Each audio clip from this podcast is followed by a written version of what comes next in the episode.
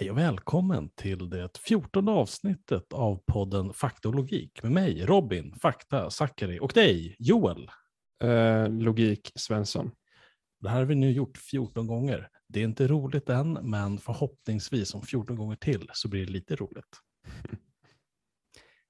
Idag ska vi göra ett uppföljningsavsnitt på vårt förra avsnitt eh, av Fakta och logik eh, som handlar om något som heter NFT.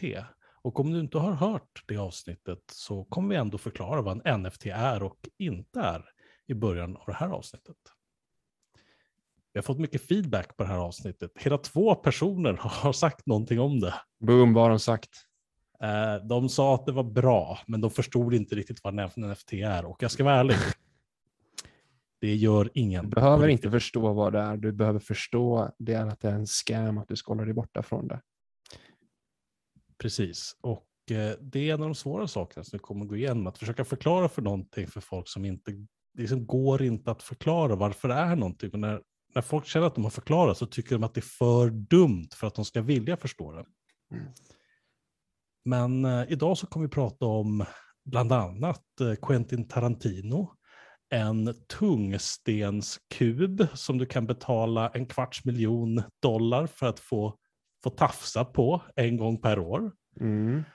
Eh, och, och, mycket, mycket annat tramsigt. Vi kommer också prata om hur NFT kan hjälpa till att återinföra slaveriet. Helt enkelt. Så det finns mycket gott i, i, i vår, vår podd. Det har hänt mycket, påse. mycket dumt kan man säga på senare tid med det här. Det har, eh, om det hade bara varit så väl att det stannade vid slumpgenererade apor. Och förra avsnittet så gick vi igenom då vad NFT är. Men Joel, kan inte du köra det igen för att folk ska få en liten bra refresher? All right. NFT, vad betyder det? Förkortningen betyder non-fungible token. Och det är en ekonomisk term som betyder att du har någonting som du inte kan dela upp och sammanfoga och sen ha då ett ekvivalent värde. Mm, med andra ord, pengar, de är fungibla. De är alltså motsatsen till icke-fungibla. Du kan ha en 50-lapp och en annan 50-lapp som blir lika mycket värde som en 100-lapp och alla andra 100-lappar som finns. Men NFT då, non-fungible tokens, de, de, de ska representera någonting som är, som är odelbart och som är unikt, kan man säga.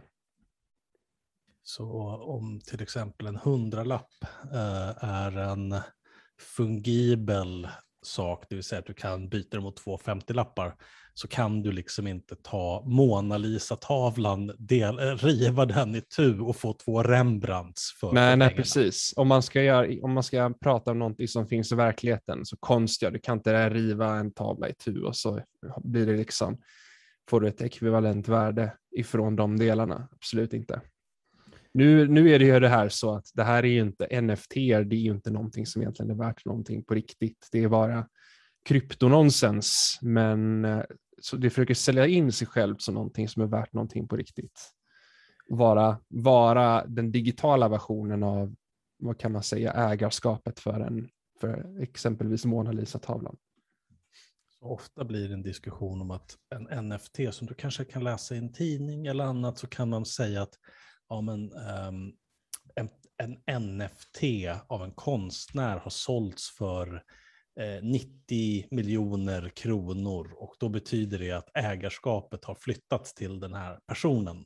Ja, fast den, fast det, det är inget riktigt ägarskap då, får man vara tydlig med, utan det här är kryptononsens. Det är att någon har fått en unik kryptotillgång som ska, som ska vara något slags certifikat för att den här personen äger det som själva kryptotillgången har bäddat in i sig, vilket kan vara en länk till någonting annat till exempel. Så när du ser att folk säljer så kallad konst, det vill säga i det här fallet ofta typ slumpgenererade apor. Det finns en väldigt känd NFT som heter, jag har för mig, det var Crazy Ape den hette va? Uh, cool. Det finns en som är en, som är en superscam i den meningen att de inte ens levererar det de säger att Ja. de ska leverera. Och sen så finns det en, en som bara är en scam för att det är NFT. Det är Vi pratade om den i Cool förra, vi pratade om den i förra avsnittet. Jag, jag har tyvärr, eh, tyvärr glömt av exakt vad den hette, men det, det är typ 10 000 unika apor som man har gjort, eh, gjort bilder av och så själva NFT då, det är att man får en länk till de här bilderna som du kan bevisa ägarskapet för. Du kan bevisa, då, bevisa ägandeskapet, att du, du, får en länk till en server ja. där en sån här apbild ska finnas och om den servern går ner, då finns det ingen apbild som du kan ja. bevisa att du äger. Och tänk om du har en vän som har köpt en NFT och är jättestolt och så lägger de ut den på Facebook. Då är det väldigt viktigt att du högerklickar på den här NFT och klickar på spara bild som Ja. Och nu så har du den här fula NFT. ja, ja nej, det, är, det, är, det är verkligen totalt nonsens. Det finns ju ställen du kan lägga bilder på där det är lite svårare och som, där, där, de, där de kan, man kan garantera att de ligger kvar en stund, som IPFS som är ett decentraliserat lagringssystem som är populärt här. Men återigen, det här är inte vad ägarskap är på riktigt. Ägarskap, det är de som till exempel äger min hyresrätt som har en garanti då ifrån staten att de kan driva in pengar för, för den här hyresrätten då ifrån mig. Det är vad ägarskap är. Det måste finnas någon, någon som, verk, som, som ser till att det händer någonting med det. Annars så är det inte ägarskap. Annars är det bara spekulationstrams. Och, och det här är väldigt mycket spekulationstrams och vi ser inte jättemycket om NFT än så länge i svensk media. Svensk media tenderar mer fortfarande att prata om kryptotillgångar i form av saker som beskrivs som valutor. Eh, och bara för att förstå hur extremt fånigt och tramsigt de här valutorna är, så är ju vi förespråkare för en kryptotillgång som heter Doge. Eh, det, du ska självklart inte gå ut och följa några som helst ekonomiska råd från oss. Nej, det, det, det här, Ekonomiska råd kommer inte ifrån Robin, men från mig däremot. Jag har bara ekonomiska råd. Och köp Doge, köp, lägg allting på Doge. Allt det är en membaserad valuta, citattecken valuta. Vad som har hänt med den här valutan var att den rusade jättemycket och ligger ganska still. Så att vi, vi, vi har vi har gjort några hundralappar. Ja, om, vi skulle, om vi skulle sälja, ja, vi skulle få lite mer än några hundralappar. Men det är Ett vår, par tusenlappar. Det, det, det så kallade värdet då, det vill säga att vi växlar tillbaka det till en riktig valuta som representerar eh, riktiga saker, liksom att vi, man kan köpa arbetskraft och köpa saker av folk. Det skulle... Som Homer, Homer Simpson säger money eh, när han pratar med sin hjärna, money, it can exchange for goods and services. -huh. uh, och vad som har hänt är att det har lanserats en konkurrent till den här mem, hundmemsbaserade valutan ja, just det, just som heter Shiba Coin och som nu är värd jättemycket mer än Dogecoin. Ja. Varför? Ingen vet. Det är, spek nej, men det är bara det är, alltså det är spekulation och i och med att det inte finns någon kontroll över det här så är det så att om du är en aktör som har en stor mängd av eh, tillgångarna så kan du manipulera väldigt enkelt. Det, det, är nog det som har hänt när Dogecoin fick sin stora rush, så var det mycket, mycket det. Ehm, det var också sociala mediemanipulation, men det var också en stor val som ägde mycket av Doge som var med och eh, spela, spelade liksom med på det här då för att trycka upp priset. Och nästa och när man ser att priset har nått något form av tak eller någonting, ja, då tar man sina pengar och så startar man en ny sån här valuta. Och så ser ja. man till att alltid vara först. Och det här ja. är klassisk pyramidspelsbeteende. Ja, och det här myntet då, det här, förlåt jag ska inte säga ord som mynt, den här kryptotillgången, Shiba Inu coin, den heter ju det bara av marknadsföringsskäl. Det är, så, det är så jävla bra för att den uppstod i samband med att Dogecoin är populär. Så då bara, ja ah, men vi gör någonting som är nästan likadant typ fast i och med att vi är först på det här så kan vi då se till att få väldigt mycket av de här tillgångarna billigt. Det var ren marknadsföring. Det, har, det, är, det är liksom ja, dumt, inte på riktigt. Så om vi ska då förklara återigen, NFT är ett, ett försök att få någonting att framstå som att man kan med smarta kontrakt reglera någon sorts form av äganderätt. Ja, ja, exakt. Om man vill gå in på teknisk detalj så le lever NFT på något som heter Ethereum som är ett det är en kryptosystem och ett, det finns en kryptotillgång i det här som heter Ether, men det, det, det är mer det, det, är lite större i sin ambition än typ bitcoin som bara handlar om att du ska gräva mynt eh, Eh, och förstöra världen genom det för att det krävs så mycket datorkraft och sedan eh, byt, liksom skicka mynten i transaktioner. Men Ethereum det har ett system där du kan bädda in kod i allting som körs för att möjliggöra någonting som man kallar för då smarta kontrakt. Det är en överbyggnad NFT på, på eh, Ethereum, det systemet. Och vi kommer komma in lite mer på det snart, därför de här så smarta kontrakten och vad det leder till. Men, men först kan vi ju säga att det har varit en sån här kryptoboom i ganska många år nu. Och det, sånt här saker bygger på att man skaffar in fler människor så att liksom, man kan hålla igång den här långa eh, bubblan som man själv liksom har varit med och, och, och, pressar upp för att man själv har varit inne tidigt.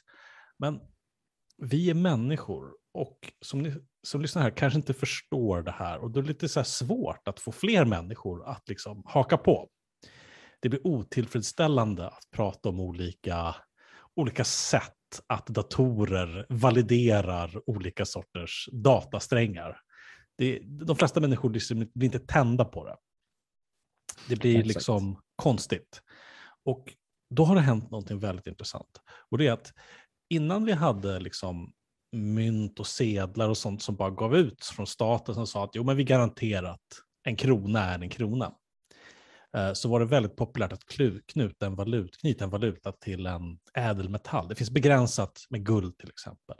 Ja och, och, och det, det, det, är en gammal crank-ekonomi-grej som är liksom, vi måste ha en guldstandard. Svenska staten måste för varje krona man ger ut ha ja. liksom ett motsvarande värde på, med guld som ligger i ett valv. Det är vanligt, annars... vanligt inslag i USAs historia, det är att de har guldstandard och sen kraschar ekonomin därför att de har en guldstandard så får du deflation och deflation är bra för ingen förutom de som typ äger allt som då får sina tillgångar ständigt ökande i värde, men ekonomin stannar därför att tillgången på pengar stryps. Det är bara de som redan har något som får ännu mer. Om du eh, jobbar med att odla saker till exempel så har du en viss mängd pengar och kan lägga det för att odla saker och sen när du sen skördar då, då är det värt mindre än det du hade från början. Ja, exakt. Uh, och därför så är liksom så guldstandard och sånt där, det är bara, liksom, det är bara cranks som tycker att staten inte ja, ska det finnas. Det finns tyvärr ett par eh, tagit in sig i miljörörelsen, den idiotin lite, men vi, vi kanske vi kan prata någon annan gång. Ja, det, det är, en, det är en, en perifer företeelse, men, ja, det, men, det, men det är som det är trams. Så att det finns en massa dudes, det är i princip bara dudes som sitter så här och bara åh, nu håller jag på, jag älskar, jag älskade bitcoins och nu älskar jag NFT. Det är liksom, att, tänk dig att pandemin nästan är över, för oss i alla fall, här. Du kanske börjar gå ut och träffa människor. Du kanske får gå på en hemmafest hos någon. Du kanske inte känner alla, men du känner kanske någon och den är mm. upptagen med någon annan. Och så står du lite i hörnet och ser lite försynt ut. Och sen så kommer det två män och som, som liksom boxar in dig i det här hörnet och börjar prata om krypto. Jag vill att du ska veta att jag och Joel är de killarna och ja, du är ja. nu fast på den här festen. Ni, ni, ser, ni kan ju inte se mig, men jag är just nu ut, utklädd till en uh, filmfigur för att jag, jag ska på fest. Och det, det här är precis vad jag kommer att göra. Jag kommer att låtsas att mitt fejkvapen har gjort det på riktigt också så att personen känner sig rädd och inte kan fly. När du försöker förklara för en människa som inte är intresserad av det här, uh, då, då får de någonting flyktigt i blicken. De vill fly, de förstår inte. Men nu har ju de här NFT-människorna kommit fram till att uh, men vad, vad, händer om man gör fysiska objekt av de här digitala tillgångarna? Ja, just det. Um, och ett väldigt bra exempel kom nu för någon vecka sedan, eller ett par veckor sedan, mm. uh, i USA. Vill du berätta lite mer om, om eh, kuben? Ja, kuben, the cube. Det är ju så då att, eh, som vi sa i förra avsnittet om NFT, det är att mycket av det handlar om marknadsföring. Det är roligare att prata om än någonting du kan se, liksom en rolig bild på en apa, än bara lite bytes någonstans i blockkedjan. Nästa utveckling av det, det är att de har, de har börjat med och fetischis, fe, fetischera, säger man så? eller säger man fetischisera? Ja, skitsamma, fetischera, nu, nu säger vi det. Wolfram eh, grundämnet, och närmare bestämt kuber som är wolfram. På engelska heter det tungsten. Just Så det. om du vill googla på det så är det tungsten cube du ska googla på. På svenska heter det dock wolfram. Så när wolframkuber är ju väldigt tunga eftersom att wolfram är ett extremt tungt grundämne. Det är Tätt liksom, packat grundämne. Det, är Ja, men inte, det- det... är inte liksom något mesigt grundämne. Nej, det är det det här inte. är något som är tungt och jävligt. Wolframkarbid, det är det som du använder på borrar för att typ kunna borra allt. Det är väldigt kraftfullt. Det har en hög smältgrad också om man vill gå in på fysiska detaljer. Men det, de är tunga. Och det här är ju en del av att det, det blir tråkigt när allt bara är bytes. Så motsatsen till det har blivit att man- man, de börjar fetischis, feti, fe- fetischera de här De är Tunga. real sickos. Det där, Ja. kallar de bara för, för sjuk, De är- sjuklingar. Ja, de sjuklingarna, de, Per- har börjat, perversa de. de har börjat dyrka tunga, alltså det har blivit väldigt populärt i kryptosvängen att dyrka de här tunga kuberna så att folk köper liksom sådana här kuber till sig själva som de har hemma och som blir en symbol för hur mycket krypto de har. Det är ganska dyrt också med volfram. Det är inte som guld, men det kostar ändå en hel del. Det är, om du har en stor kub så får du betala tiotusentals kronor för det. Och det som skiljer ibland liksom priset mellan liksom, guld är ju lätt att behandla, det är ju väldigt mjukt, medan liksom, wolfram och sådana, det är, ju- det är jobbigt att göra dem för att de är så jävla hård. Ja, nej, det är, nej de, de är jättesvårt. Du måste ha väldigt hög temperatur och sen så kan du inte liksom, du kan inte slå, du kan inte, du kan inte eh, forma den med en hammare eller något sånt. Det går inte. Men vad, och, och, och liksom när folk då eh, köper sådana här kuber till sig själv för att liksom visa den fysiska tillgången liksom på något sätt, Mm. i sin NFT. Det, eftersom det är tungt och det är dyrt så kan man inte ha så stora kuber själv. De flesta kan inte det. Nej, nej, exakt. Och, och då har det kommit någonting som är bland det konstigaste jag hört. Eh, man kan nu investera i en NFT, ett smart kontrakt, som de säger, som ger dig rätten att gå och eh, ta på en riktigt stor sån här kub.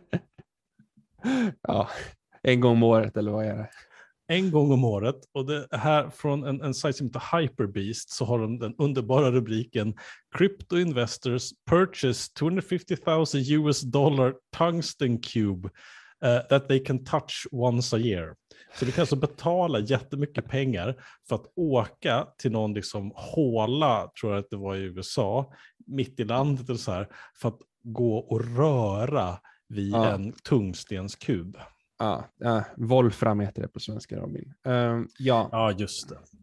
men eh, det, här- och det, det, här är ju, det här är ju en följd av det att mm, det blir tråkigt när allting bara är bytes. Så då har de krystat, hittat på någonting som faktiskt är på riktigt. Och det- eh, ja, det, det är lite som att de uppfunnit en religion. Det är som att de uppfunnit islam, liksom vallfärd till Mecka. Eh, vad heter det? en Hajj? jätteliten sten. Alltså det är i alla fall, Ja. i, i islam så har i alla fall en, en riktigt, alltså det är ju fet jävla sten. Ja, alltså den är ju ja. jättestor.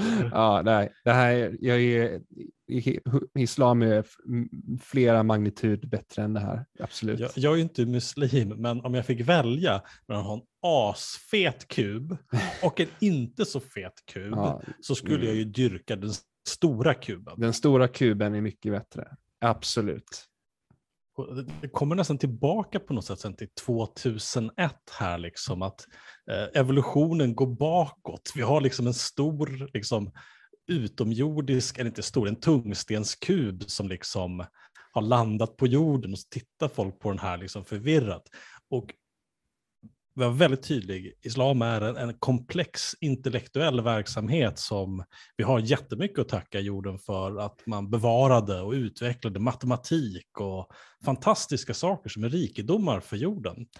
NFT och eh, Wolframkuben är, är bara skit. Det är totalt nonsens. Det är bara ett sätt att, alltså det är ju, allting handlar ju om marknadsföring. Det är ett kreativt sätt att kunna prata om krypto på nytt. Det är vad allting handlar om. Det finns ingen riktig innovation eller något. Och vi börjar märka nu hur den här innovationen och liksom det här att du kan teckna ett smart kontrakt. Vi kommer komma in lite mer. Det här är en tramsig grej att du kan få prata, eh, ta, ta, ta på en sån här kub en gång per år. Men det finns väldigt obehagliga implikationer av den här idén om fria kontrakt mellan människor. Men, men innan vi går på det så såg jag en annons, eller jag såg en artikel, jag, jag googlade lite på NFT och Aftonbladet, bara för att få liksom en, en, en liten, um, mm, ta lite på pulsen på vad en, en, en, eh, en, en, en riktig liksom falukorvssvennig person uppfattar mm, uh, mm. av NFT. Inget fel med det. Inget fel med det. Uh, och då hittade jag en artikel. Den som jag hittade först när jag sökte upp på DuckDuckGo, jag kanske inte ens googlade. Mm. Uh, det, det, är en browser som inte stjäl alla dina personuppgifter. Mm, mm. Uh, inte browser, en sökmotor, förlåt. Det finns använd, använd koden faktologik DDG för att få, nej jag skojar bara. för att få 50% rabatt på, på, på, ja. Nej, men när jag sökte så hittade jag en artikel, en ganska nylig gjord artikel eh, från eh, Aftonbladets Nöjesbladet som säger att eh, Tarantino aktionerar ut eh, Pulp Fiction-scener. Och Quentin Tarantino är en av de mest kända eh, levande filmregissörerna som finns, som, som gör saker som man kan kritisera konstnärligt, men det är film. Mm. Det, det, man är tvungen att man får behandla det som film. Men Marvel-film, det, det, är liksom, det är inte film på riktigt. Nej, nej det är det inte. Det är som den store, oh, vad heter han nu igen, uh, Martin Scorsese sa, så är det som ett, uh, det, det, är som ett nöjesfält. Fast uh, i biografen istället. Och jag gillar nöjesfält, men inte film. Korrekt. Och i den här artikeln så framkommer det då att, att uh, Tarantino kommer sälja lite scener ur filmen uh, uh, Pulp Fiction som ja. NFT. Okay. Det betyder inte att du ja. äger. Alltså den här skiten är bara döp din egen stjärna. Åh, nu äger jag den här scenen. Okej, okay, men vad medför det här ägarskapet? Om det bara är skryträtt så är det bara som att döpa din egen stjärna. ja, uh, och jag ska ta ett, det här är från TT, vilket betyder att nästan alla tidningar i ja. Sverige kommer ja. ha skrivit den här. Och så här står det, och jag ska citera, och eh, det kan finnas ett tillfälle, citatet tar en liten stund, och det finns ett tillfälle då du kommer vilja skrika, och du, du får göra det. Ja, okej. Okay. Ja, ja, um, um, här är citatet. Det är en, om NFT då i artikeln, det är en så kallad blockkedjebevis, ett form av äkthetsbevis som gör att verket inte går att kopiera. I försäljningen ingår även handskrivna originalmanus och en exklusiv ljudkommentar. Ja, okay. Du skrattade till lite. Vad var det du skrattade åt? Ja, ägarbevis, alltså unikt ägarskap för vad? Hur får du det här ägarskapet? Är det någonting som bara du kommer ha tillgång till eller är det liksom vad, vad exakt är det som du får i praktiken? Du, du, får en lapp från filmbolag som säger den här lappen har vi gjort från filmbolaget så att du nu har du får en länk lappen. till någonting och den här länken kan alla andra också få tillgång till, men den är inom stora citattecken bara min. Så okej, okay, ja, det, är, det är jag som äger den här. Ja, absolut. Och, och det jag vill lägga till där då, som gör att verket inte går att kopiera. ja, det, det, det, stämmer ju inte. Det, det, det stämmer inte, nej. Själva verket finns i verkligheten och visst, du kan inte kopiera det. Men NFT har absolut ingenting med det att göra. NFT är inte verket. Det är bara liksom några bytes som pekar på en länk. Det är allt. Och Det är därför varje gång du ser att någon har lagt ut en NFT, om du ser en NFT i en tidning, kopiera och ladda ner den så ja. har du den. Ja, ja, ja. nu har du, Men du har, inte, du, du, har inte beviset för att den här stjärnan på himlen är din, så ja, då är den inte din, så då kan du inte skryta om den eller någonting, absolut. You wouldn't download en NFT. Säg, uh, säg att du, om, om, alltså, ingen fattar den här skiten. Om, om du ser en NFT, bara säg att du äger den. Bara gör det. Alltså inte, utöver bara ladda ner den, säg att du äger den. Ska de motbevisa dig? Nej, det kommer de inte kunna göra för ingen förstår den här skiten ändå. Ja. I en annan artikel från NFT eh, så har vi ett citat och eh, det har ju blivit en väldigt, i och med att det, är så tråkigt att prata om olika bytes och, och bits och Ja. krypto och så, då, då Ja. är det konsten man har hittat som, vad ska man säga, ehm, inkörsport. Man har hittat att det här kan vi kapitalisera för att folk tycker att det här verkar vara, man kan prata om en bild på en apa men det är så trist att prata om ett mynt. Ja. Eh, och här är en annan artikel från TT och här är citatet. Eh, Men enligt Daniel Dabocci, ledare för konstprojektet Dream FNG, kan den nya tekniken leda till ett nytt sätt att visa konst. Och sen kommer hans citat här. Konst ofta som något som hänger på en vägg. Men blockkedje och NFT-tekniken öppnar för det som man inom konstvärlden hoppats inom många år, nämligen kan konst vara mer än något som man hänger på ett vägg, en vägg eller placerar i ett rum? Ja, det betyder nu att du kan ha citattecken konsten på, på, på, på, på din dator. Ja, Vilket du kunde innan genom att Ja, du kunde ladda det- ner det där en är- bild. Det här är så jävla dumt. Jag känner, jag känner igen han Daniel da, äh, Dabo, Daboshi. Han, Jag han, uttalar säkert fel. ja, jag med. Skitsamma. Han Jag har ett hade- namn som väldigt få miss Han skötte, ett sig projekt, för. han, han, skött, han skötte ett projekt som heter ehm, Funded by Me som var ett, ett, ett, eh, ett, typ, alltså lite Kickstarter fast liksom Ja. mer att man ska faktiskt köpa. Man investerade i, Ja, i, liksom i aktier i företaget kan man säga. Precis. Men Vilket det, är en sak som regleras av lagen. Om du äger en aktie, Ja. då har du rätt till av, men, men grej, utdelning. grejen, är- grejen är väl att det projektet, det, var ju, det hade inte samma explosiva, i och med att det för, för, måste förhålla sig till verkligheten och saker som faktiskt finns på riktigt och skapar någonting annat, så var inte det lika attraktivt att hålla på med eftersom att om du går till spekulation, då är det obegränsat. Då är, då är, då, då är, då är, då är potentialen obegränsad. Då kan du bara hova in utan att göra någonting. Man kan också säga att eh, han driver också ett företag som är en cannabisbaserad uh, uh, mynt, Cancoin eller något liknande. Eh, det, Mm. Så här är det på internet nu för tiden. Okej, Uh, nu har vi pratat om liksom konst, citattecken konst. Så fort man ser en bild på konst som är NFT så är det alltid något som är så här, vad ska man säga, internetklurigt. Det här är det, det är liksom det är Banksy-nivå eller det är sub-Banksy-nivå. Uh, titta, alla går och tittar på sina mobiler, men eh, ovanför dem så har de en ikon av ett brutet hjärta. Eh, Ja. Och nej, vi är alienerade från varandra på grund Budskapet av i tekniken. 4-trailern kan man säga. Precis. Jag vill inte alltid gå in på Karl Marx på podden, men ehm, jag säger, läs lite Marx först så, så Mm. förstår du. Det är en Marx-referens per avsnitt. Och eftersom vi tycker om att, vi, vi bryr oss om fakta, vi bryr oss om logik. Och om man Ja. bryr sig om fakta och logik så bryr man sig också om ekonomi. Ja, det gör man. Och om man bryr sig om ekonomi på riktigt, då ska man läsa affärspressen. För i affärspressen så får man veta vad olika delar av kapitalet bryr sig om just nu. Ja. Man förstår ibland, ibland är affärspressen allra bäst på att granska vad som är dåligt med saker. Därför att Ja. det är där liksom gubbar med sås på slips läser för att få, liksom, få veta vad, vad det är som gäller.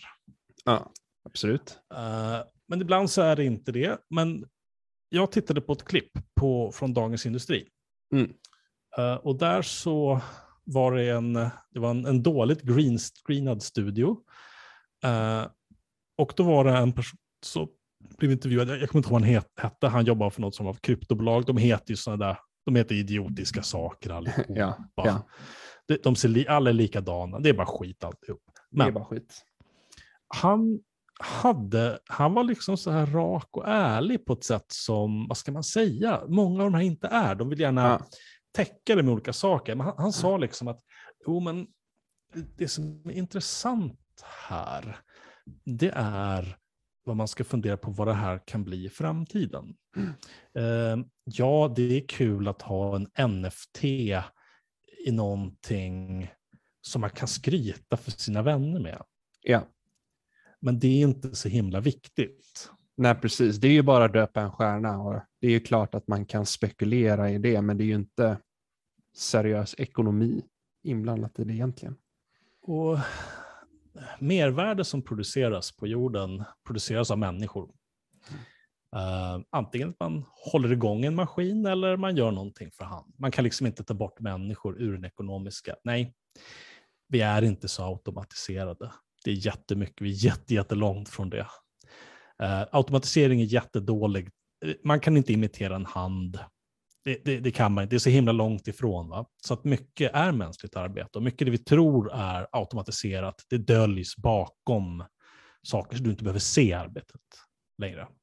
Så det han sa här är att så här, ja, eh, det nästa steget från att liksom köpa en, en bild på en apa och säga att det här är, det här är min apa nu, mm. Eh, det är att spekulera i framtida framgångar för personer.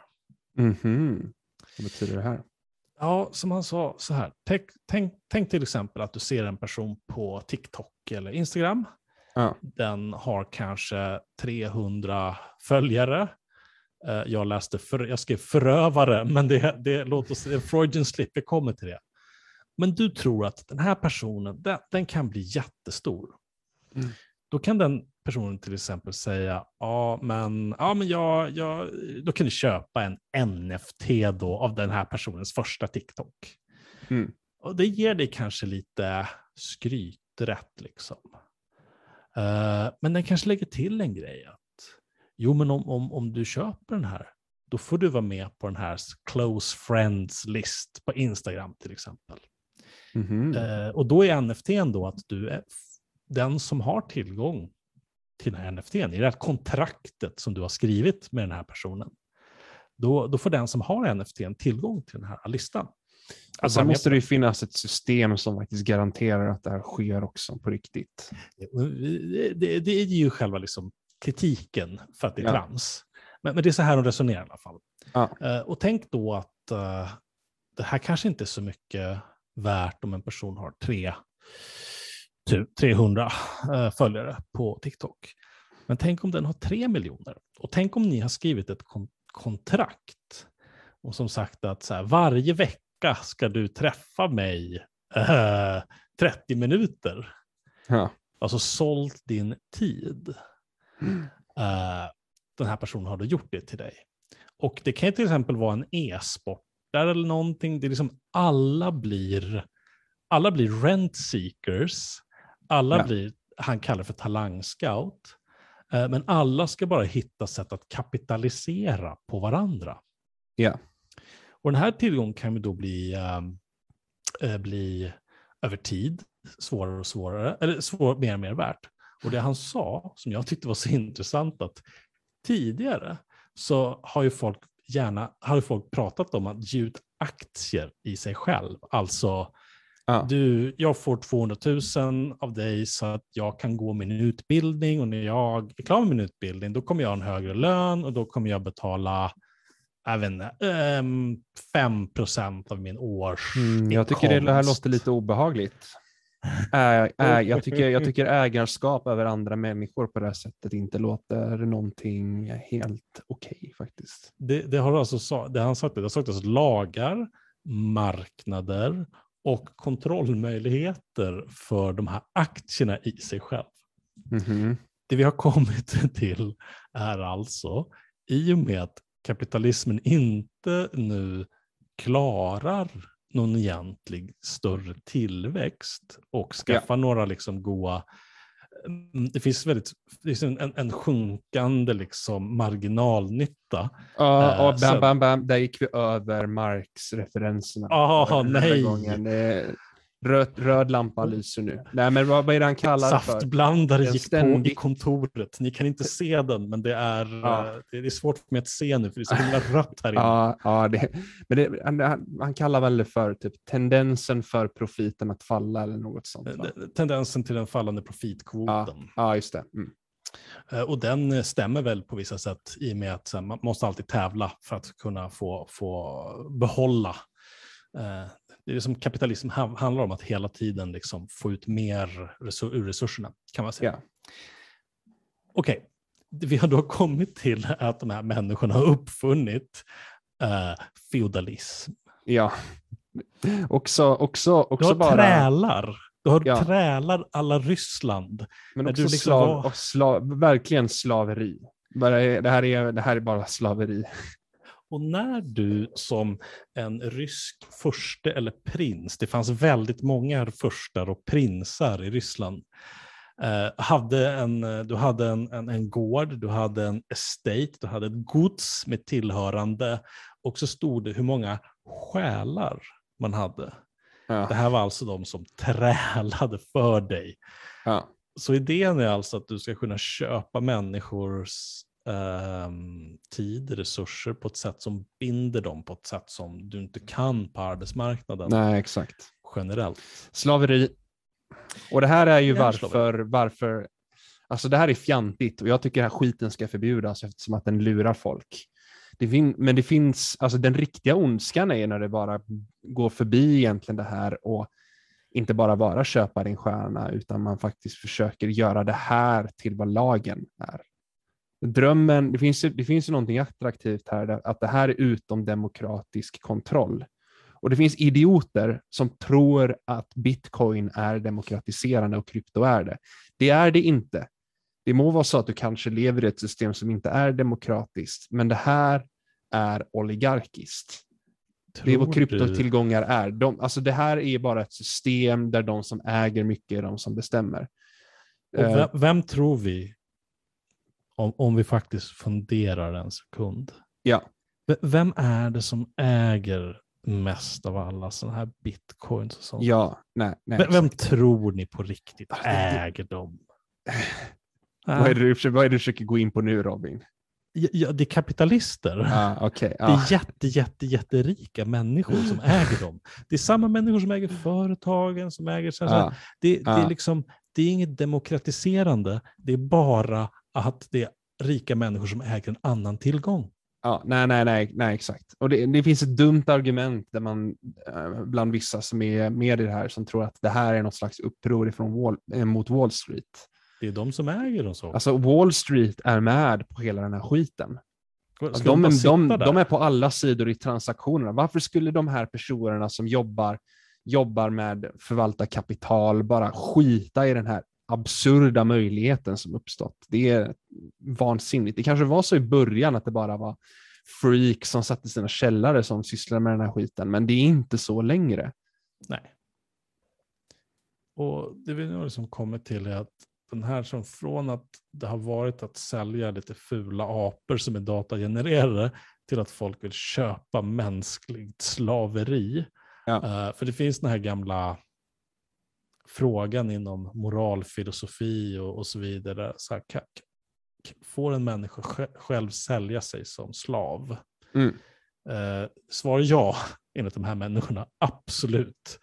Ehm, och om vi då funderar lite på vad det här liksom, de flesta människor kommer möta eh, saker om NFTs via Facebook Ja. eh, och via de stora mediekanalerna. Eh, och det är nu nästan varje vecka, eller det var, det var en, förra veckan så var en artikel, kanske var den här veckan, Mm. om ett äldre par som hade blivit lurade av pengar för att de såg en sån annons med Leif GW Persson och bitcoins. Mm. Och de har liksom hört bitcoins och sett liksom bilder i kvällspressen och på de har sin varit Facebookflöde. extremt dåliga. Jag tror de till och med pratat om det här som en seriös investering. Ja, och du, du ser artiklar och sen så är det ett mynt, så står det ett B på och sen Ja. så så blir folk rika. Och det, det är ungefär det främst äldre människor och kanske yngre människor ser. Ja. Och då framstår det här som attraktivt för att man Ja. kanske vill på ålderns höst stoppa in lite pengar, få ut ännu mer. Pengarna kan gå till barnbarnen eller någonting. Liksom. Det, det, är Ja. en, det är en djupt mänsklig grej att tänka sig att jo, men jag, jag vill att någonting ska bli bättre för mig, så gör jag någonting Ja. så att det blir bättre för mig. Absolut. Men, men det vi har nu en situation är att ingen pratar om NFTs i svensk media nästan. Nej. Och när det kommer, då är det aldrig nästan från en kritisk ståndpunkt. Nej, för att de enda som lobb, alltså de, mycket som händer i media nu för tiden, det är ju att Alltså det, det, det, krävs att något ekonomiskt särintresse ska ha råd att ha, ha en PR-person som pratar med media, och skickar pitchar till dem. Så när det pratas om NFT så är det ju de som själva har jättemycket pengar eh, och är med mycket, liksom, de, har, de, de, de, de är någon slags, de har en viktig roll i spelet ja. som får synas som det. Det är aldrig de kritiska, för det är inte de som liksom har de här typen av PR-resurser som krävs för att komma in till media. Och i och med att jag tror faktiskt att det kommer vara en intressant grej att NFTs kommer behandlas mer kritiskt i ekonomipressen ja. än i nöjespressen. För att tänk dig, idag så håller journalistyrket på att förslummas. En gång i tiden så var det ett, liksom ett, ett bra medelklassjobb. Ja. Kunde, du, många journalister jobbade länge med en sak och då ja. visste de. Då kunde liksom inte politikerna eller företagsledarna, de kunde liksom inte bara lura upp dem oftast på, på läktaren för att de, de kände Exakt. till bullshit. Ja. Men nu måste journalister producera så himla mycket. Och så får de en, en ett bra pressmeddelande. Ja. Och I pressmeddelandet så, så, finns det en bra klatschiga rubriker om att nu har något sålt för sju miljoner. Då tänker man, ah, det här kommer läsarna gilla. Pengar, alltid roligt, alltid spännande. Ja. Och då kan man oftast, man förstår inte oftast vad en NFT är. För när vi liksom tittar på vad de säger så framstår det som att de, man äger någonting, man, ja. man, man inte kan kopiera, nej man, man kan inte kopiera den här länk, alltså man kan inte kopiera den här data, ja. liksom, bit-grejen, whatever, men själva verket är ju oftast digitalt så det är ju bara liksom högerklicka och ladda ner. Men, ja. Och då blir det aldrig några kritiska frågor. Nej, exakt. Och då blir det reklam. Ja. Och så kommer det vara ett tag. Ja. Det kommer vara så, tyvärr, i några år. Mm. Och sen så får vi en ny cykel. Ja. Och då blir det alla människor som har blivit lurade på pengar. Ja, det är vissa som blir eh, lurade nu, men nu är det ju ja. en guldrush. Så då, då är det fortfarande, ja men det här är nice. Det finns många som tjänar mycket på det faktiskt. Och det ska vi komma ihåg att kring alla sådana här guldrusher så finns det alltid människor som tjänar pengar på det. Om, om, jag, jag, jag terroriserar ju min omgivning om att jag har tjänat typ 2000 kronor eh, på, på, på mina Dogecoiner. Tjänat, de har ökat i citattecken ja. värde. Ja. Um, så det finns ju en sån storytelling, man gillar att berätta. Man köpte en NFT, man tjänade sig en hacka. Någon Absolut. kanske gjorde det och köpte en dyr lägenhet. Man köpte ja. en dyr bil. Yep. Och det här är oändligt berättningsbart. Ja. Men om du förlorar pengar, då finns det skam. Precis. För då är du en misslyckad individ. Ja. Som har gjort någonting dumt. Och den som öppnar tidningen kommer säga, ah, gud vilken idiot. Så det här skulle mm. jag aldrig gjort. Ja. Och då finns det liksom den offentliga skampålen och då är det en del människor mm. som har modet i sig och faktiskt bryr sig om sina medmänniskor tillräckligt ja. för att säga att jag skäms, mm. men jag vill inte att fler ska drabbas av det. Mm. De här människorna, de, de, de är fina människor. De, de, förtjänar, de förtjänar inte vårt hån, de förtjänar Nej. inte våra negativa känslor. De har bara blivit utnyttjade av ja. ett system som inte förklarar vad någonting är, som inte har förmågan att förklara om det. Nej, så om fem år då kommer vi få se liksom NFT. Jag köpte en NFT eh, på Facebook som var en annons för, för, så var det en bild på, vad heter han, eh, Leif GW Persson. Ja. För att när jag går till Coop nu, då, då säljs numera viltkött eh, med en stor bild på, på Leif GW Persson. Ja. Så det är någonting som folk ser, något som folk förstår. Det är en människa som oftast är på löpsedlar. Ja. Och då bär han ett förtroende av flera ja. skäl. Ett, att han, först och främst att han är akademiker, alltså han är professor tror jag i polisvetenskap. Han har skrivit massa böcker och då används de här personerna. Så att, och sen så finns det också de här grejerna att, att folk som är uppburna kan själva ge ut NFT. Så mm. gränsen mellan vem som är som talesperson eller upphovsperson för ett sånt här verk liksom blurras ut. Mm, mm. Uh, och det här är något som man faktiskt får vara arg på. Det är jättekonstigt. Jag har hittat en annan podd som pratat om NFT. Det var faktiskt på Aftonbladet. Uh, Mm, okej. Martin Ågård, eller Ågård som är Mm. eh, kulturskribent, kanske man kan kalla honom.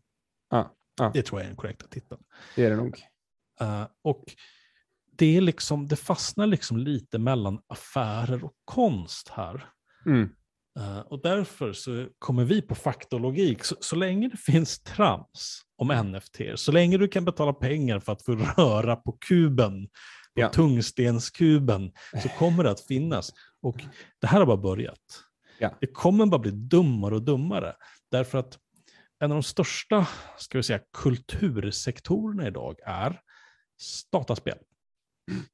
Eh, Vi här är, jag har spelat dataspel sedan 1987 i alla fall. Jag tänker inte sluta, ingen kan stoppa mig. Nej. Eh, men eh, där blir det allt mer företag som funderar på, hmm, kan vi på något sätt koppla NFT till våra spel? Ja. Så att vi kommer se ganska mycket att du liksom, att någon har köpt, och det var något som man såg förut i World of Warcraft till exempel, någon hade köpt ett svärd och sen kun, sålde de den tre år senare så var det jättedyrt liksom. Ja, man, man köp, köpte och sålde karaktärer som hade saker på World of Warcraft. Ja, nej, nej, exakt. Alltså, spelbranschen är ett bra exempel där på hur det har gått till. Alltså, det räcker inte för dem att bara göra spel som är av modellen. Du gör spelet och sen köper någon det och nu får den personen spela spelet, utan det gick till prenumerationsmodell till det här att du har eh, rena, alltså vad heter det nu igen, att du har mikrotransaktioner. Eh, och det kommer att gå ännu längre, gå till- NFT som liksom är mikrotransaktioner med idiotisk spekulationsekonomi ovanpå. För att de, det, det, det räcker inte för dem. Pengarna kommer aldrig räcka. Jag tror det var EA va, som funderade på att göra det här.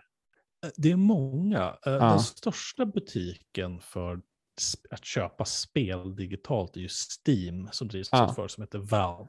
Och de har sagt att de förbjuder, eh, de har förbjudit det på sin plattform. Oj, bra, bra av dem. Det kan ju vara värt att påpeka då att Valve är det mest lönsamma företaget i världen per person, så de har väl gjort analysen att vi behöver inte det här, antagligen. Ett av de växande företagen i sektorn som är redan väldigt stora är ju Epic på grund av Fortnite. Ja, just det. Eh, Jag har aldrig spelat Fortnite för jag är en vuxen människa och jag har inte barn. Så jag tänker inte spela ett spel där liksom någon 13-årig målbrottskille skjuter mig och sen ska flossa eh, framför mig. Det, det, där går min gräns för värdighet. Jag kommer Ja. spela Super Mario, men där går min värdighet. Men Ja. de Japp.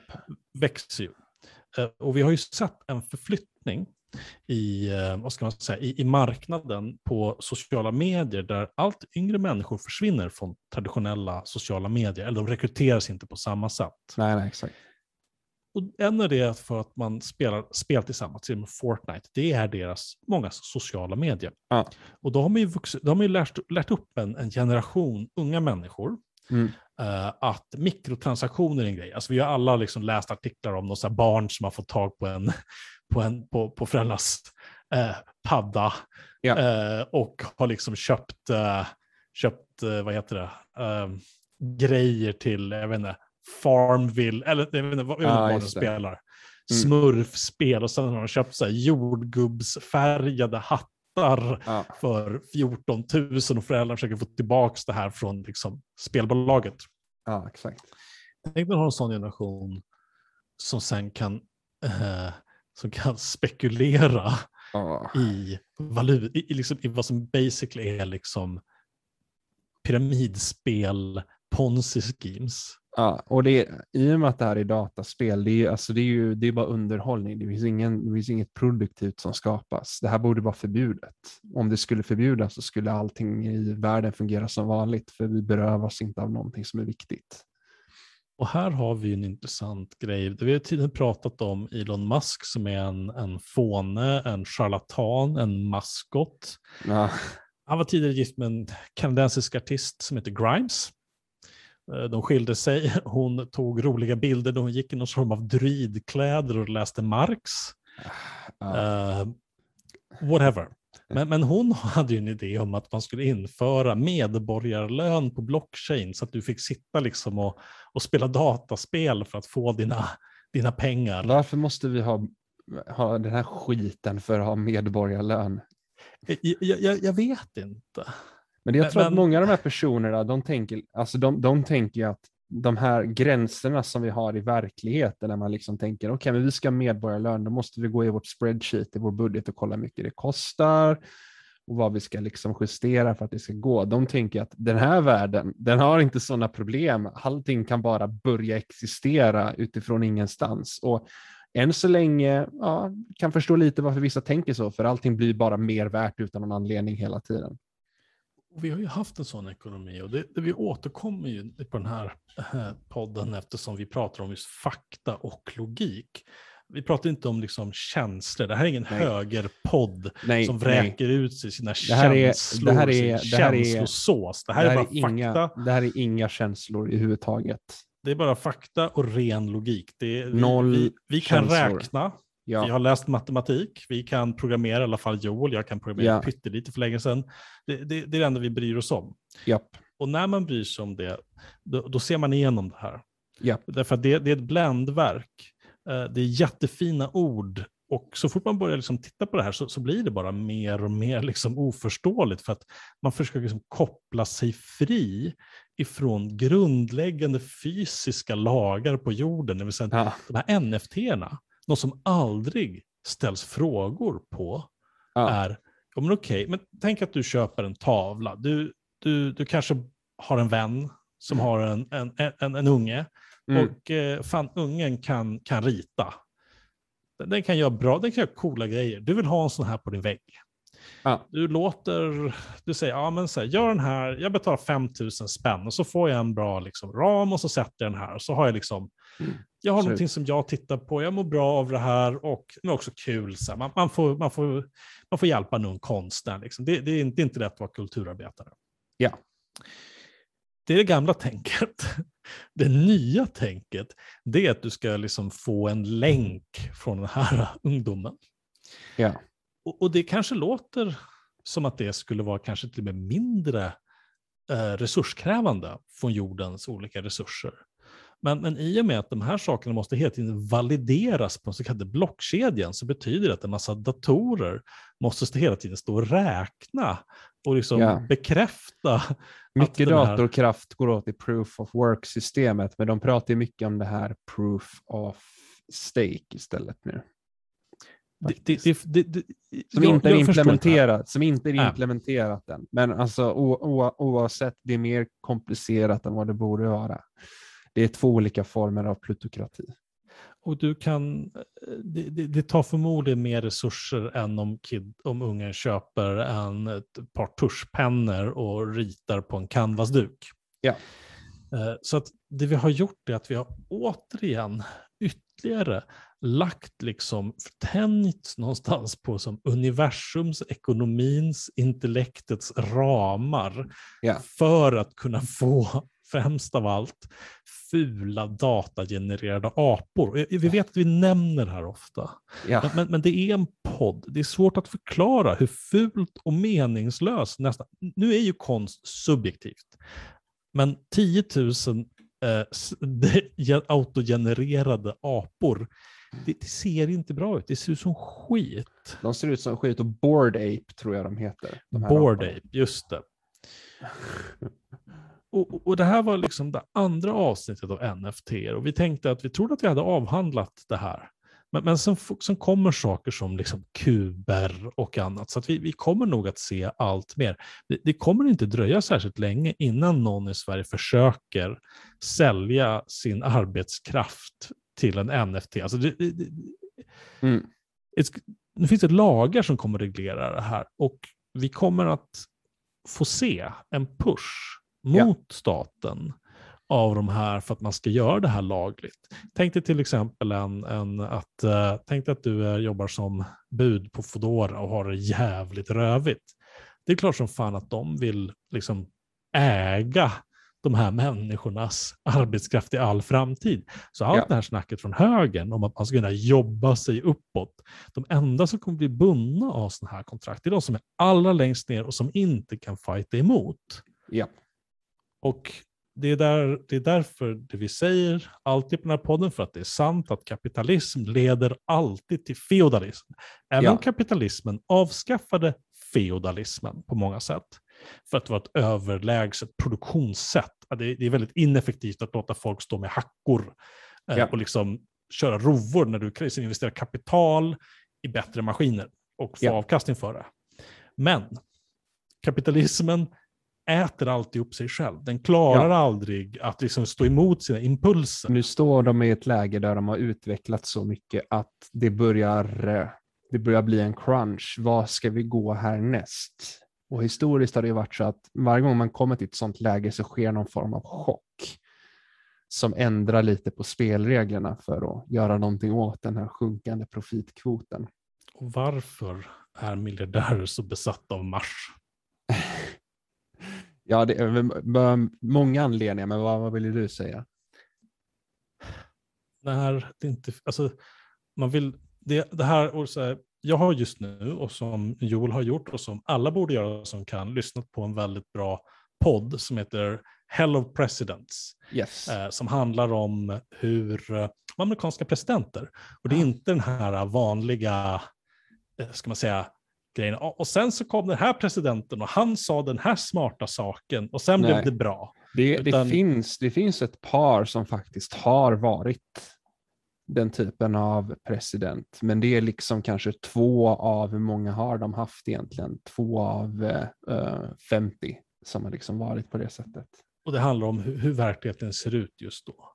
Ja. Men, men, men där handlar det väldigt mycket om, när man ska se USA, det började som ett kolonialt projekt, att man skulle ta över land och sen så skulle man expandera västerut. Ja.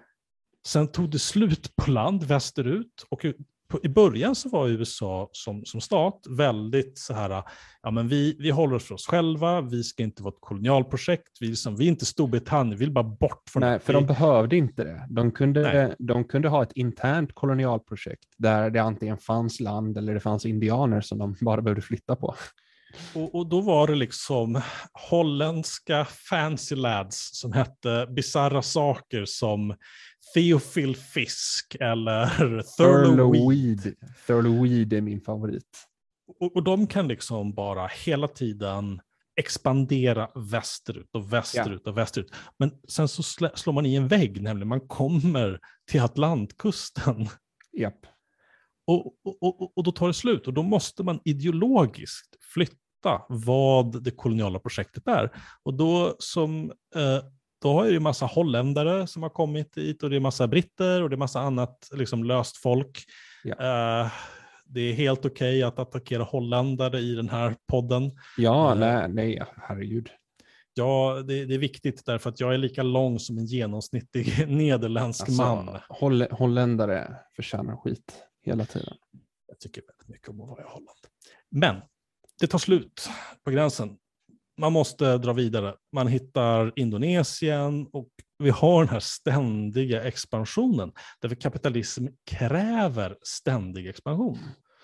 Och sen så får vi USA som blir liksom arvtagaren till, till det ondskefulla imperiet Storbritannien Mm. som är tillsammans med liksom Nazityskland det ondaste som har skapats i Europa. Och det säger, det säger inte lite om Nej. hur ond det brittiska imperiet Det har varit. degenererat. Och ja, de, just, fortfarande nu, är.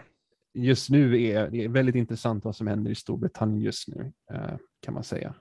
Den här podden är väldigt peppade på att Skottland ska få själv, eh, självständighet. Ja, ja, herregud, splittra, alltså stycka imperiet, hashtag stycka imperiet. Stycka imperiet, låt Irland bli ett land. Låt, Låt- Skottland bli ett land. Låt, Låt- Wales bli ett Ja, land. ja, precis. Gibraltar borde lämnas tillbaka och alla, allt det där. Och sen så borde Skottland dessutom in i den nordiska gemenskapen.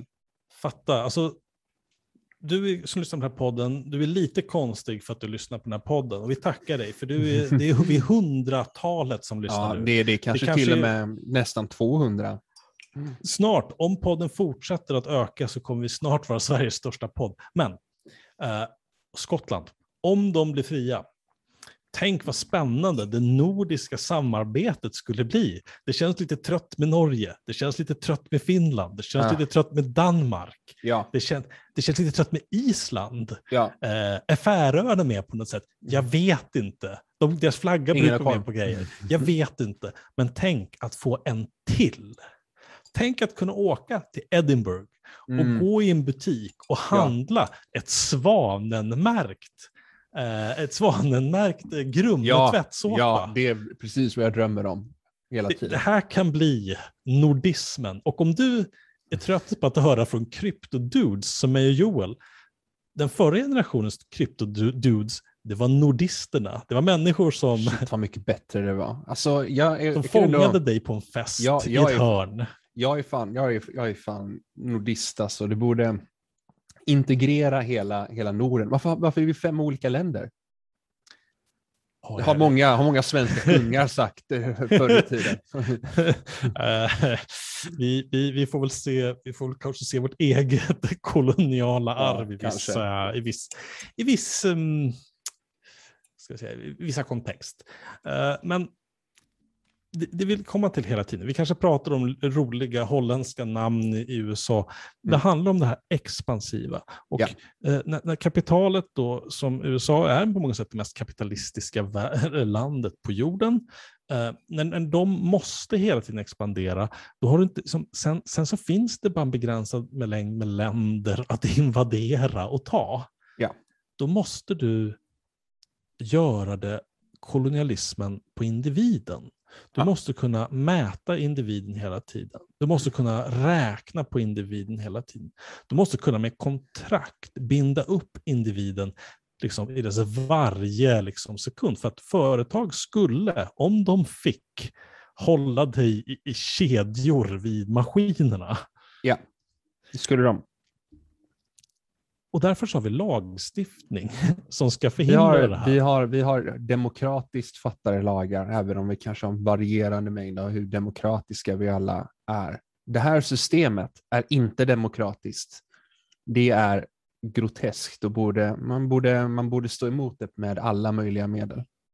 Och därför så har eh, det var Finansinspektionen och Naturvårdsverket som gick ut nyligen i veckan och sa att man borde förbjuda utvinningen, eller ska man säga, Ja, lite märkligt fokus att det bara var just utvinning tycker jag faktiskt. Men ja, och, och utvinning av eh, kryptotillgångar, det kan man egentligen beskriva på ett enkelt sätt som att man köper en massa grafikkort, ja, så här som du kan spela dataspelen på. Och sen så Mm. sätter du de här i, i gäng, i, kanske i ett rum, Ja. Eh, Och sen så får de stå och göra massa onödiga beräkningar istället för att spela jag vet inte, Half-Life 2 eller vad du spelar på din dator. Fortnite. Eh, Fortnite, så står de här i ett rum och bara räknar. ja. Och i ett land som Sverige som har en eh, ström, vår strömtillförsel i Sverige, det, det, strömproduktionen Mm. är väldigt, i jämförelse med många andra länder, koldioxidfri. Ja, så vi har det, det, det är typ, alltså det är väl, det är väl är Stockholm är det liksom det här sopförbränningsverket och så är det väl det här olje, oljepannan som eh, ligger någonstans. Men det är, det, är väl, det, är väl, det är väl that's it, sen finns det ingenting annat som är, Nej. Och det är ju tack vare att vi har älvarna som ger oss, eh, som ger oss vattenkraft och att Ja. vi har kärnkraft. ja, Eh, så att om man ska utvinna sådana här uh, krypto, vilket man inte ska, vilket det är ett slöseri på resurser. Något annat som är slöseri det är Facebook serverhall i Lu- Luleå, bränn den. Jävlar vilken idiotisk grej. Så dumt. Varje gång en regering välkomnar ett sånt här företag, l- läs vad de skriver. De kommer säga alltid att det här kommer ge tusentals jobb till nonsens. Håla X. Men också, men Ehm. också, det finns ju sådana här, det finns ju liksom serverhall, det finns Amazons serverhall och de, de smörar ju för dem jättemycket på idiotiska sätt. Men om man får säga så här, i Amazons, Amazon, de, är ju, de hyr ju ut sin kapacitet till andra. Alltså det finns ju liksom verksamheter i Sverige som använder dem. Uh, det, det, är grejer som kan vara, kan vara nyttiga. Liksom. Men Facebook, det är ju bara Facebook. Vad fan bryr varför ska, hela, varför ska liksom hundratals megawatt gå till skiten Facebook? Vi befinner oss ju, Sverige är ju ett land som, eh, min släkt kommer ju från Haparanda, den ena delen, vilket ligger precis på gränsen till Finland. Eh, det är en del i en landsända som har, i alla fall så länge jag har varit ung, fram tills ganska nyligen var ett ställe som man flyttade ifrån. Mm. Nästan hela min släkt har flyttat från. Uh, det, det, man, det, skämtet var AMS, då, Arbetsmarknadsstyrelsen, som, som vi idag då känner som Arbetsförmedlingen. Uh, man kallar den för AMS, alla måste söderut. Nu ser vi att någonting håller på att ändra sig. Vi har eh, batterifabriker med det här företaget Northvolt. Mm. Vi har en massa saker. Du har hybrid, alltså de här nya eh, kolframställningsfria stålet som håller på att ta fram. Eh, nu börjar folk röra sig uppåt igen. Det kommer behövas, det kommer behövas mer, energi, det kommer behövas mer el. Ja. Och vad, vad, vad, är skillnaden mellan Northvolt och Facebook? Northvolt för övrigt har gjort jättemånga de har misskött sin, eh, sin verksamhet Absolut. en hel del eh, med, med arbetsvillkor och sånt. Men man får väl säga så här, vad är skillnaden mellan Northvolt och många av de här industrierna och Facebook egentligen? Jo, jo det är ju att det, det, det finns faktiskt någonting som skapas. Och din det din någon... farbror sitter inte och är rasistisk på den. ja, det, det, det, det, det, de inför inte folkmord i Myanmar. Liksom.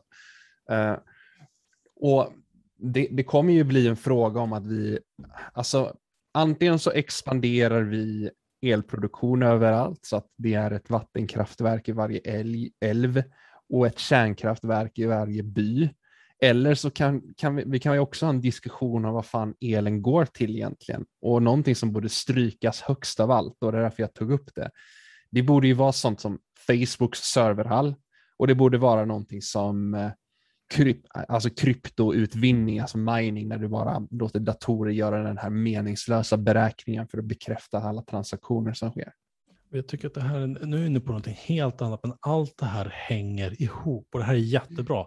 Vi kommer säkert få komma in på elfrågan om och om igen, för att om det är så här att vi ska gå ifrån ett allt mer fossildrivet samhälle, det samhället vi kommer komma till efter det, förhoppningsvis, kommer vara ett industrisamhälle vi, vi kommer inte leva i någon form av anarkoprimitivistisk dröm där du blir uppäten alltså, av en tiger. Ett samhälle som inte är ett industrisamhälle har ungefär halva eh, genomsnittliga levla, levnadslängden. Så jag skulle föredra eh, det. Jag skulle föredra att du inte gick och dog nästa år Robin. Det hade varit jobbigt. Oh, elakt. Du, du säger min ålder. Okej, okay, förlåt. Nej, nej, jag förstår det. Men, men, nej, men det är faktiskt sant. Men något som också är sant, det är att ursprungsbefolkningar kring jorden brukar oftast haft ett bättre liv innan folk kom och tog alla deras grejer. Uh, och vi har ursprungsbefolkning i Sverige, vi har samer.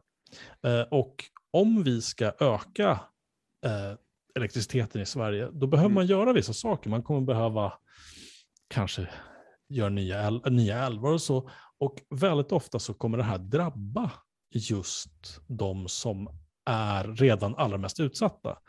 och därför så sker det liksom en, en, en diskussion, behöver man ha en diskussion om vad man kallar grön, eh, grön kolonialism. Vad, vilka människor ska betala för att vi ska rädda klimatet? Uh, och då är det väldigt viktigt att vi ser till att om vi ska röra en millimeter av de floder vi har, om vi ska bygga ett nytt kärnkraftverk, då, då ska vi se till att det inte går till att datorer står i ett serverhall och räknar på fula apor, vem som äger länken till en ful apa. Ja, nej men det, det, det sitter ihop med verkligen allting det här. Det handlar, ja, de här industrierna som ändå finns och gör att folk är sysselsatta med någonting vettigt, de, de ska ju kunna fungera. Eh, och man får göra en prioritering helt enkelt. Nu vet jag inte om det just nu är så att det är så jättemycket krypto som utvinns i... Eh, inte Sverige. Inte Sverige, men grejen är att det, det, i och med att allting, allting sånt här sker online. Du, du kan starta upp mining i Sverige bara, alltså om, om, om man inte stoppar det så är alltid möjligheten där. Därför att de Ja. går ju där det, alltså det, de går ju, de rör ju sig där det råkar vara billigast vid tillfället. Det är därför det finns så mycket mining vid typ, vad heter de här stora vattenfallen i norra USA? Ni, Niagarafallet, Kanada är ju ett Ja. land som har haft väldigt mycket kryptoutvinning på Ja, grund av att de har, precis. vad man kallar för el. Om du, om du, om du betalar din elräkning i Kanada Ja. så säger det att you pay the hydro och det är för att de har som, som Sverige har Ja. väldigt mycket, mycket, mycket vattenkraft. Ja. Eh, I Kina så försöker man sätta stopp för, eh, för det här för att de vet att de måste slänga upp fler och fler kolkraftverk. Och det tycker jag inte att man ska. Men det är skillnad mellan att sätta upp ett kolkraftverk som leder till att vi kan värma hus Ja. och att mina krypto. Ja, det som händer är om, om din energi i alla fall går till industrier som utvecklas, då, då kanske det är så att du kan så småningom gå bort ifrån kolkraftverk för att du har teknologi som gör att du kan få din energi på något annat sätt. Krypto är bara ett stort svart hål för allting som är produktivt. Det är totalt meningslöst. I värsta fall är det fjantigt, som att du bara låter någon köpa en stjärna på himlen. Och i sämsta fall så kommer det införa slaveri och det finns folk som öppet säger att det är det de vill ha med det. Det är totalt värdelöst. Och, och, och det här med att prata om att äga andelar i människors framgång, det Ja. sägs alltså öppet i Ja. dagens industri. Ja, Det här är vad kapitalet alltid funderar på. Men Ja. ibland så faller masken. Men de använder ju inte orden Mm. som gör att folk blir sura. Men vi som vet vad som sägs, och du som också lyssnar på den här vet nu det. japp, Så när du går det. ut i, efter att ha lyssnat på den här podden, du har varit ute på en promenad, det här tror jag det här kan Du, bli en av våra du, längsta poddar. du, ska, du ska till hemmafesten och du ser, här är, en, här, här är, här är mitt offer. Eh, och, det är den, det, där- det, eh, och, så, och så säger du, hej jag har hört talas om krypto. Och så, blir personen, och, så blir, och så blir personen chockad, men den blir sen glad när den kommer på att du inte vill faktiskt övertala den om att sälja någonting. så här, att störa människor med att prata om krypto, det, det är, vad ska man säga, det är, vä- det, är, det, är en, det är en extremt fin linje hur störd du blir som mottagare på att få berättat varför det här är dåligt eller bra. Ja, Och eh, det, det, det sista jag vill att du ska göra nu när du lyssnar på den här podden är att hålla på, hålla på med krypto. Eller prata om krypto. Men, men du behöver tänka på det. För att det här gör att du inte riskerar att gå på olika sorters eh, pyramidspel basically. Ja, klart, alltså klart, man, klart man måste prata om det här. Det blir, allt mer, det blir en grej man inte kan undvika. Bättre att det finns folk som eh, pratar om det i formen av vad det faktiskt är, någon form av kritik om det, än att man bara låter branschen hålla på med sitt sälj. Och Det är intressant när man, när man läser sånt om sånt här. Och jag, jag, jag, jag vet inte vad det är, men jag har svårt att få energi att spela tv-spel. Däremot så läser jag branschpressen alltid. Jag läser tio gånger, hundra gånger mer om spel än jag faktiskt spelar spel. Ja. För att när jag spelar spel kan jag fastna. Jag har köpt ett Nintendo-spel, jag köpte Metroid Dread, Ja. jag fastnade. Ja. Men när man läser faktiskt den amerikanska speltidningspressen och amerikansk teknikpress, då är den generellt mycket mera negativt inställd till NFT och liknande. Och jag Ja. tror att det har att göra med att de har gått igenom en så hård strukturomvandling i deras media, så folk där är så är, och man, det blir allt mer fackföreningar som startas i Silicon Valley, i Ja. dataspelsföretag, så att folk liksom börjar allt mer, bara vanliga journalister, de skriver liksom i artiklar, liksom NFT som är en scam. Eh, och då är det liksom inte ens de här scammiga, utan de bara säger att det här är en scam. Och det är en scam i den meningen att det gör ingenting, det betyder ingenting och det förstör jorden. Då är det en scam. Medan vi i Sverige verkar ha en väldigt uppfattning om vad som är en scam, är liksom en legalistisk definition av vad Ja. som är ett pyramidspel. Mm. Liksom i, Mm. i, i den lagliga, liksom, eh, ja, precis. den legalistiska liksom, synen på det. Och vi behöver i Sverige komma ifrån den. Och därför så, alla ni som lyssnar på det här, fundera över när du läser i tidningen, när, när det här kommer. Ja. Kontakta en journalist, prata med en vän. För att det här är, att börja prata som vi gör om krypto nu, det är som att prata om gigarbeten för tio år sedan. Mm. Det här är väldigt tidigt. Du som lyssnar på det här är liksom, du är på cutting edge nu, för det är ingen annan som pratar om det här. Japp, du vet mycket mer än nästan någon annan. Du vet mer än alla svenska journalister tillsammans vet just Ja. nu. Och det är bara för att du lyssnar på fakta och logik.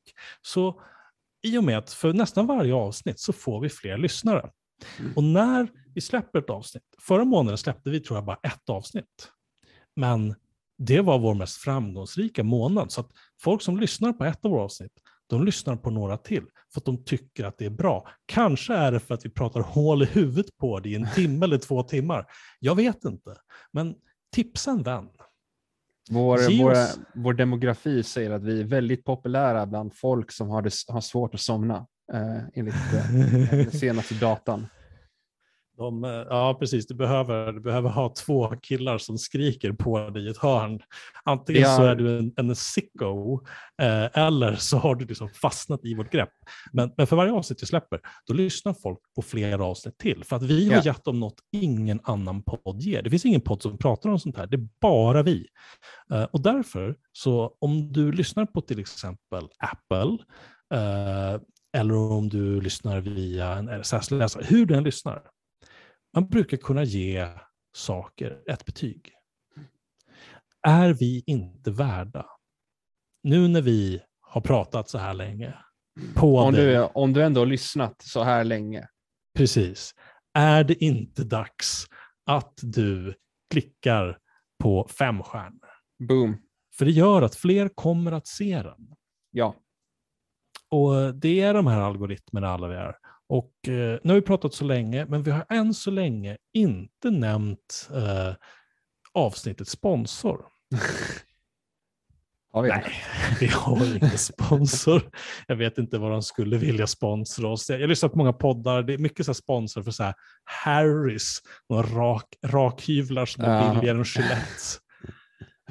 Ja, ja jag, eh, mm, vi, får, vi, får, vi får väl se, får väl se vad det blir med det. Jag, jag tycker vi ska, om vi ska bli sponsrade så ska det vara någon produkt som man faktiskt eh, uppskattar och bryr sig om. Som, eh, eh, som typ, eh, eh, jag vet inte, Dogecoin till exempel.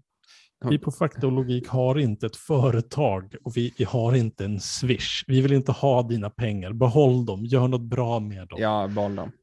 Men, men, men dela med en vän. Och jag fick Ja. höra från en vän som sa till mig, ja men vad kul, jag lyssnade på det senaste avsnittet och en kompis till den hade hört av sig till honom Boom. och berättade hur mycket han gillade avsnittet. Och det här är liksom organiskt. Och det här är precis som NFT. Det enda man kan göra med faktalogik är att titta på den. Man kan Ja. ladda ner den från, från internet och sen kan man skryta för sina vänner Yes. att man var väldigt tidig med att eh, lyssna på det fjortonde avsnittet av Ja, faktalogik. Ja, jävlar. Du kommer att kunna, om du är, alltså var, var, var tidiga på fakta och logik, det, det är lika, det är, det, det är liksom som att vara bland de första som lyssnar på eh, typ eh, Beatles liksom. När de uppträdde på scenen i, någonstans i Storbritannien. Jag har lite koll på Beatles. Är, är det inte så att de, de spelade i Hamburg eller något? Ja, säkert, säkert. De, de var hemma hos Claes Möllberg eller någonting sånt där i Sverige. Ja, ja. Jag har ingenting, eller så här, det finns oändligt mycket mer att säga om det här. ja, herregud. Vi har ju ändå lyckats fylla en hel del tid, kan man säga. Men inte med, med onödighet utan med, Nej, med nej. fakta. Allt är och, eh, viktigt, sitter ihop och är... Alltså vi, vi, vi har inte manus avsnitten, vi är så Nej. faktabaserade att vi har ett spreadsheet med data och det är vårt manus. Det, det, det, för er som inte känner till det här, vi jobbar liksom mycket med IT, vi jobbar med metrics, vi jobbar med Ja. fakta, vi jobbar med logik. Så att Ja. det vi har är en Ja. stor så kallad dashboard. Vi har en dashboard. Och dashboards, det finns olika program för att ha dashboards. Yes. Eh, och jag tänker inte säga vilket vi har, vi har använt olika, men för de som är in the know så finns det saker som heter Grafana eller Metabase eller en massa olika. Vi använder pro projekt Cybersyn från eh, Chiles regering 1970. Det är våra... Jajamän. Och när, när vi säger dashboard, då kanske du tror att det här liksom är någonting du ser på, på bara en skärm. Nej, det är inte tre skärmar. Vi har ett kommandobord. Det ser ungefär ut som Ja. bryggan på, på Star Trek. Jajamensan. Men det är Det mycket det är det- coolare. det är det- för det är så många, det är många så här liksom eh, putsad, eh, vad heter det, borstad aluminium. Ja, Och sen är det röda dioder. Och Ja. det hjälper oss att förstå all data. ja, precis. Och när du lyssnar på så olika hög, om du lyssnar på en högerpodd, om du skulle sätta på liksom Joe Rogan eller någon annan, liksom, någon sorts form av tönt. Ja. Och ja, de är töntar hela bunten, för de har bara så känslor. Precis. Men ingen av dem kan räkna. Nej. Nej. Men jag det kan räkna. Joel kan räkna. Japp. Och de här kan inte räkna. De kan inte det. De Nej. kan bara skriva texter. Men vi har räknat på det här. Yes, vi har datan. Vi har datan och vi förstår ekonomin. Och när du som lyssnar på det här, då kommer du också förstå datan och ekonomin. Japp. Japp. Men vi behöver vila, för Joel ska på fest och eh, Ja, han, han, har- han min- har eh, siktet inställt på att, Ja, på att utsätta minst två. ja, precis. Nu- Jag har siktet inställt. Nu håller jag upp min, eh, min pistol här som inte ni kan se. Eh, Och jag har siktet inställt på, lä- på eva- evangelisera hela festen om, eh, om krypto. Och om du är en sån som lyssnar på den här podden som känner mig eller som känner Joel. Ja. Vi har inte en Facebook-sida. Nej, Vi har inte ett Twitterkonto.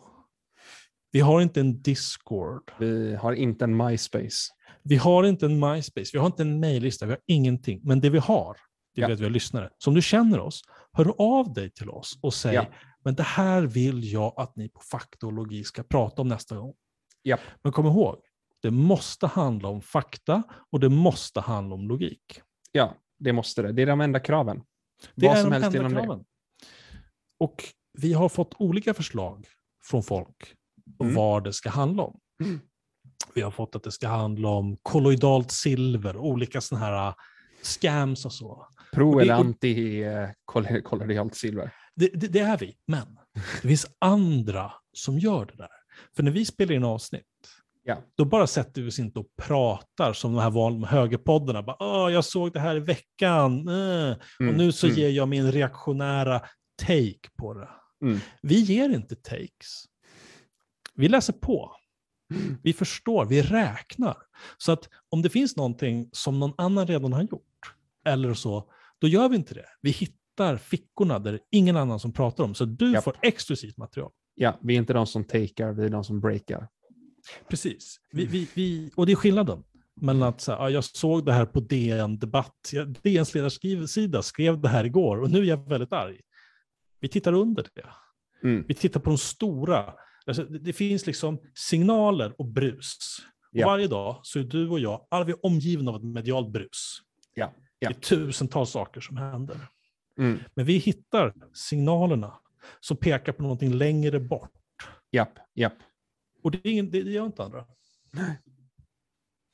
Och därför så ska vi eh, avsluta dagen, för vi kan fortsätta. Det var, fortsätta var, en, var, en rejäl, var en rejäl avslutning, får jag, får jag ändå säga.